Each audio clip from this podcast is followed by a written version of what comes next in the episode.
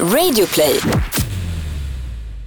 I Misslyckade brott har vi bland annat berättat om tio rån, fyra kidnappningar, några bedragare och en Brinkenstjärna. Men det finns brottslingar av alla de sorter och idag ska vi berätta om ett märkligt fall som vi har lärt oss själva ganska mycket av. Till exempel att humor livar upp på jobbet, men kan vara kriminellt. Eller att en vanlig hobby kan slå ut en hel personalstyrka.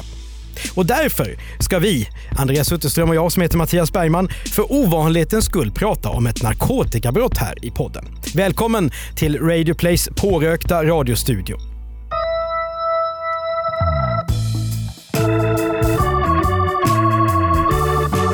Andreas, vad har du för förhållande till bakning? Min dotter eh, bakar varje lördag någonting från Roy Fares kokbok Cake Heroes. Ja. Eh, jag hoppas att hon inte ger sig in på riktigt det som vi ska baka idag. Nej, men är- jag ska läsa några ingredienser här för dig så får du, jag verkligen inte. får du gissa här vad, vad det kan bli av. Ägg, strösocker, vaniljsocker, vispgrädde, digestivekex, smör och Philadelphiaost. Mm, någon slags sockerkaka då? Ja, du, har, du är något på spåret. Ja, så här gör man. Du krossar digestivekex fint, smält smöret, blanda med kaksmulorna. Tryck ut blandningen i botten av en rund form. Cirka 24 cm ska formen vara. Sen så gör du en smet av äggul och socker, vaniljsocker och Philadelphiaosten. Detta blir en matpodd alltså, eller bakpodd? Nej men he, bear with me. Ja. Sen vänder du ner lite lättvispad grädde och äggvitorna som du har vispat. Fryser formen fyra timmar. Tar ut en kvart före servering och så garnera lite. Vad är det för något? ja, men nu tror jag jag vet. För det här med digestivekex i botten sen att det ska stå i frysen, det låter som cheesecake. Alldeles riktigt. Cheesecake är kanske ganska mycket sen 90-talsgrej egentligen i Sverige när det gäller trender. Finns med i Roys ko- kokböcker också som min dotter håller på med. Om man är mer USA-orienterad när man bakar så är det här ett ganska givet val också. Men just en cheesecake har en huvudroll i det här misslyckade brottet som vi ska prata om nu. Vi ska nämligen tillbaka till oktober 2004. Själv så var jag 27 år gammal och jobbade på en lokaltidning här i Stockholm. Och på en annan plats i samma stad så stod en lika gammal kille som vi kan kalla för Magnus. Och här står han i sitt hem och bakar två stycken cheesecakes. Och de här två kakorna ska snart bli beslagtagna som bevismaterial. Men låt oss först åka ut till den oväntade brottsplatsen. Bergianska trädgården, en av Stockholms vackraste platser kanske. På området finns en botanisk trädgård där man kan spana in vackra växter. Här får stockholmarna chansen att ta fram sin inre tjuren Ferdinand. Och i fiket så kan turister betala dyrt för kaffe och utbrista “It's amazing”. Bergianska är ett museum för levande växter. Här finns också köksväxter, ett växthus med medelhavsklimat, en örtagård, en japansk damm och ett arkiv av äppelsorter. Ett litet paradis för alla som inte har hösnuva. Men som i alla paradis så finns det ormar och det ska de anställda här på Bergianska snart bli varse. Och det är dags för ett synnerligen misslyckat brott att begås. Det är fredag morgon den 29 oktober 2004. Det här är för övrigt dagen där regeringen beslutar att erkänna Palestina som stat. Ja, idag så tog alltså den svenska regeringen beslutet som man hade flaggat för att erkänna Palestina som stat. Sverige sörjer fotbollshjälten Claes Ingesson som har dött i cancer. Cirka 300 var på plats för att minnas och hedra den legendariska fotbollsspelaren. Och Globen har smyckats som en gigantisk pumpa eftersom det är helgen är halloween. Men på Bergianska är det dags för niofika. Men det är inte vilken fikastund som helst. Det här är också en avtackning. Magnus, 27-åringen som har säsongsarbetat på Bergianska, han ska sluta och då blir det lite extra festligt. Godfika, som vissa säger vid den här tiden. Arbetskamraterna är samlade. De är ungefär 20 stycken. Här finns bland andra Petra, Birgitta, Astrid, Kristin, Åke, Hans, Charlotta och så Tobias som är 15 år och någon form av praktikant. Och Den här fikastunden är orsaken till att Magnus kvällen före har bakat två cheesecakes. För så är det ju i Sverige. När man tackar av vikarier så är det vikarierna som bjuder. Det har väl du själv varit med om gissar jag? Ja, men jag tror att jag köpte Kinderägg till alla. Det, det, Det var tog- fint gjort. Det eh, var någonting som jag snodde, Mm. ett upplägg jag snodde från eh, någon annan. Jag, jag har också sagt också när jag, när jag skulle bli utsparkad från Aftonbladet, så, så sa jag vad jag ville ha i present. Så att jag inte skulle få något skit. Man fick alltid en bok av någon medarbetare så att jag lät min, för, min chef förstå en vecka innan att jag ville ha Kadhammars bok så att jag inte skulle få Lasse Andrells bok om pelargoner eller något sånt där. Den hade du mått bra av. Kanske. Mm. Även om han är säsongare så är Magnus en naturlig del av personalstyrkan. Om det låter som att han är en huslig kille så är inte det någon överdrift alls.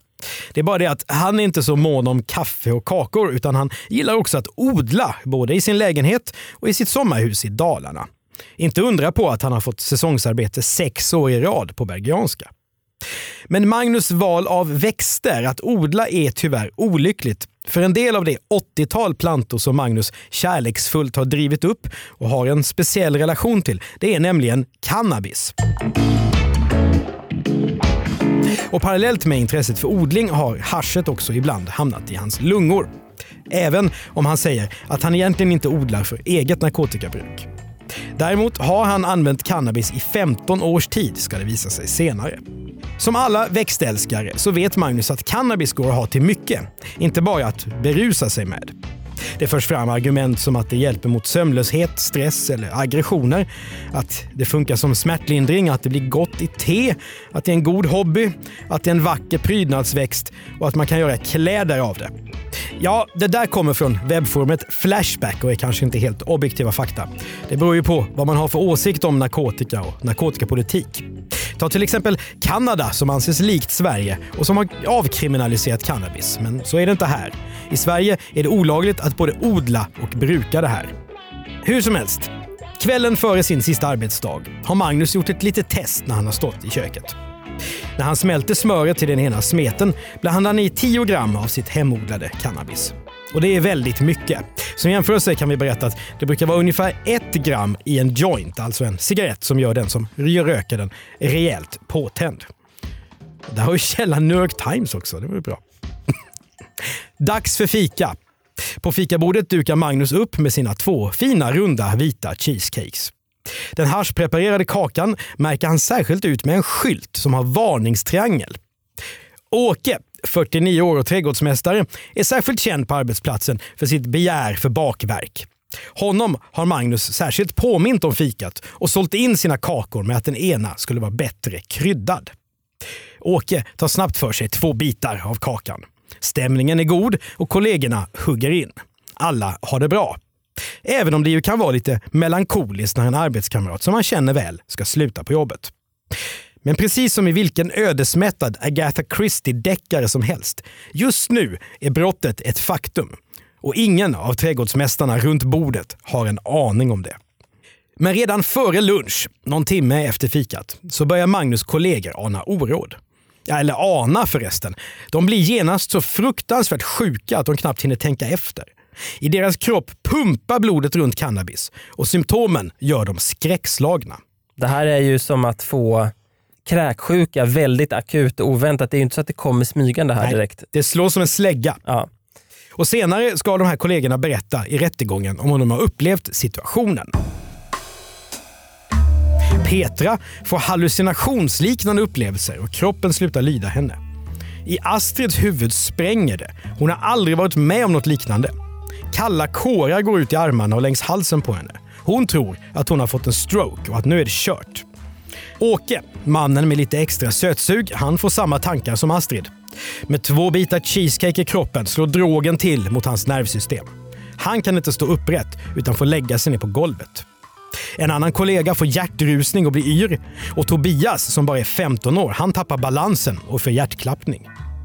Birgitta mår illa och märker att rösten inte bär längre. Desperat frågar hon Magnus vad han har haft i kakan med varningsskylt. Men Magnus kommer sig inte för att svara ordentligt. Kanske är det för att han själv blir förlamad av skräck. För så här var det ju inte tänkt.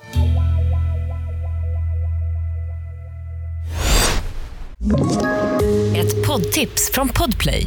I fallen jag aldrig glömmer djupdyker Hasse Aro i arbetet bakom några av Sveriges mest uppseendeväckande brottsutredningar. Går vi in med hemlig telefonavlyssning och, och då upplever vi att vi får en total förändring av hans beteende. Vad är det som händer nu? Vem är det som läcker? Och så säger han att jag är kriminell, jag har varit kriminell i hela mitt liv men att mörda ett barn, där går min gräns. Nya säsongen av Fallen jag aldrig glömmer på Podplay. Det som han hade planerat som en rolig grej, det har utvecklats till rena kaoset. Runt omkring Magnus faller arbetskamraterna bokstavligen som furor. Man känner ju att det här är kanske lite som när, när Emil eh, råkar Ja. äta de här jästa körsbärna. Ja just det, när hönsen blir fulla. Ja, just det. Ja, just det. Alla bara faller döda ner nästan. Ja, faktiskt. Så här berättar en kollega senare i en tidningsintervju. Det var människor överallt. Folk låg på golvet, på borden. Vi har bara ett vilorum och där var det fullt. De sjuka kollegorna ropar desperat på hjälp. Någon ringer SOS Alarm. Magnus råder valhänt sina arbetskamrater att de ska dricka sockervatten och äta choklad. Det kan dämpa effekten av cannabis, det känner han väl till. Men vad det är för hemlig ingrediens i kakan som har gjort hans kompisar sjuka, det berättar han inte. Han är nämligen helt medveten om att det är olagligt att både odla och röka cannabis. För att inte tala om att lura i ett antal trädgårdsmästare drogen. Istället är Magnus nu så chockad att han tar sin mammas Mercedes och helt enkelt flyr fältet. 13 av hans kollegor är på väg till Danderyds sjukhus i ambulans för akutvård. Alla testar såklart positivt för cannabisbruk. Magnus tar bilen upp till sin sommarstuga. Hade man rent formellt kunnat åtala dem för Ja, narkotikabrott? jag tänkte på det. Jag tänkte på det, men de har ju, de har ju inte tagit den medvetet. Han har ju, erkänner ju att det är ett intressant rättsläge faktiskt. En riktigt rigid åklagare Skulle hade nita dem för det där? sätta Ja. dit dem för narkotikabrott. Tobias 15, Ja. ungdomsvårdsanstalt. Mm. Magnus tar bilen upp till sin sommarstuga i Dalarna. Dagen efter så besinnar han sig och går självmant till polisen på orten. Som tur är har ingen av kollegorna fått några bestående men. Frånsett att de kanske aldrig mer kommer att äta cheesecake. Det vet vi inte någonting om egentligen. Nu tar polisutredningen vid. Utredarna gör husrannsakan hemma hos Magnus och hittar hans eh, ambitiösa samling av växter. Cannabisodlingen beskrivs som ganska stor. Kakan, som genast blir berömd i medierna, skickas på analys.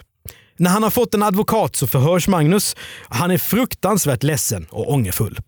Jag ville inte alls att någon skulle må dåligt. Jag ville ge mina arbetskamrater en trevlig upplevelse. Det roliga är förresten att eh, den här bilden, det finns en, en bild där en polisman i en sån här klassisk polismössa med mustasch, ser verkligen ut som snutar brukar se ut, står och håller och har beslagtagit den här kakan. Den hade jag uppsatt på mitt kylskåp faktiskt. Jaha. Under lång, lång tid för att jag tyckte den här historien var så bisarr. Ja, och det, har du, det kan man förstå Ja. att, du, att du hade. Jouråklagaren vill hålla Magnus i häkte eftersom hon misstänker att han ska ta fram ugnsformen igen. Trams, tycker Magnus advokat. Själv har Magnus inte ens fått frågan om han ska baka något mer. Men anhållen blir han och målet tas upp i Stockholms tingsrätt. Vid det här laget är Magnus ofrivilligt en kändis. Han kallas för Kakmannen och hamnar därmed i samma svarta löpsedelsgäng som Sätermannen, Lasermannen och Alexandramannen. Andra brottslingar som har begått betydligt större synder. Och Magnus rykte når långt längre än bara till nyhetssajterna. På Aftonbladets kultursida så spår en skribent slutet på fredagsfikat på alla svenska arbetsplatser. Vem törs smaka bussiga Bodils hembakta sockerkaka i fortsättningen? Hon kanske är ett kakmonster. Ja, så skriver en krönikör i Östersunds-Posten. Och den åsiktsstarka krönikören Malin Sive säger i Veckans Affärer. Det här borde göra slut på oseden att den som måste sluta ska bjuda. Det är en skitbra vinkel ju. Magnus står nu åtalad för narkotikabrott och misshandel. Narkotikabrottet är inte så mycket att resonera om. Tur för Magnus är att hans hemodlade cannabis är så svagt. Det håller låg THC-halt. Men när det gäller misshandeln så ägnar sig tingsrätten ganska mycket åt hur Magnus har kommunicerat kakan. Det avgör nämligen om han i rättens mening har haft uppsåt, alltså har varit ute efter att skada sina kollegor. Den här varningsskylten som han hade vid ena kakorna, den visar väl att Magnus borde ha fattat riskerna. Men den stora gåtan är varför i hela fridens namn skulle Magnus tvunget hålla på med sina gastronomiska experiment och olovligen påtvinga cannabis i sina arbetskamrater när han tyckte så mycket om dem? Ja, i domen så står det så här. Hans enda avsikt var att den ena kakan skulle vara extra kryddad i syfte att arbetskamraterna skulle erhålla en förhöjd smakupplevelse. Och själv så säger Magnus, Jag ville bara att vi skulle vara glada tillsammans ett litet tag. korkat nog blev det med cannabis mitt i den botaniska trädgården. Exakt hur Magnus tänkte, det vet vi tyvärr inte mer om idag. Trots att han är ostraffad, ångerfull, säger sig ha lagt av helt med cannabis och har börjat plugga, så döms han till villkorlig dom med samhällstjänst. Samhällstjänst, Andreas, vad kan det vara för någonting? Det kan vara till exempel att man får stå på Myrornas lager och sortera inkomna kläder och sånt där. Ja. Kan man få samhällstjänst i till exempel ett bageri? Det tror jag inte att Magnus får i alla fall, men i, i teorin tror jag faktiskt att man kan få det. Ja. Jobbiga arbetstider, man får gå upp tidigt på morgonen. Just det. Hur som helst, inget fängelse för Magnus alltså, trots att han inte ens tvekade att lura i en 15-åring narkotika.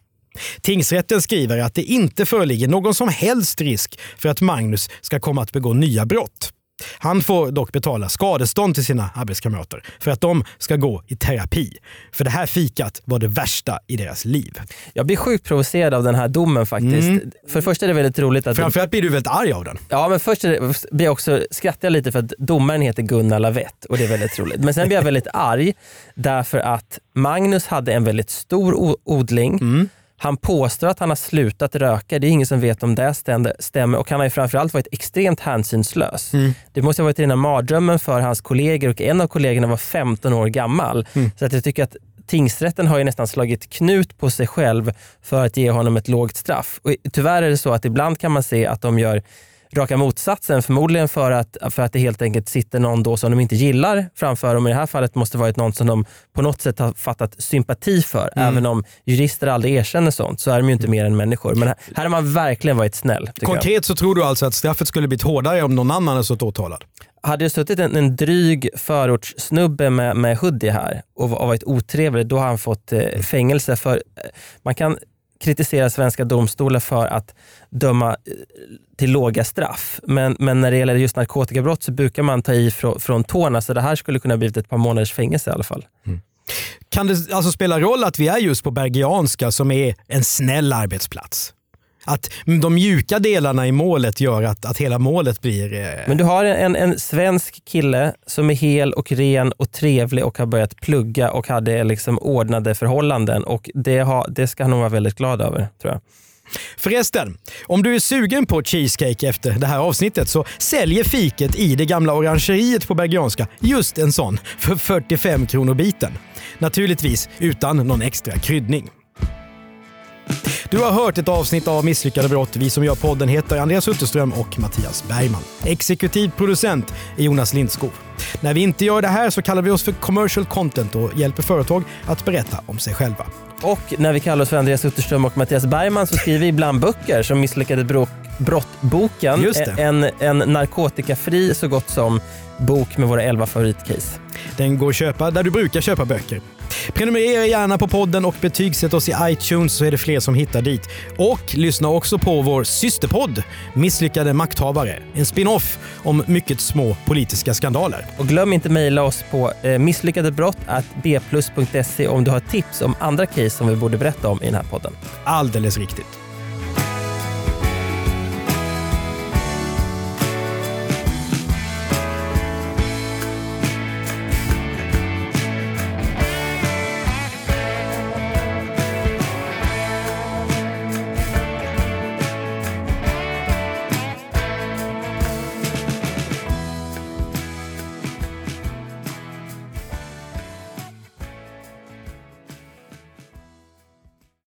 Ny säsong av Robinson på TV4 Play.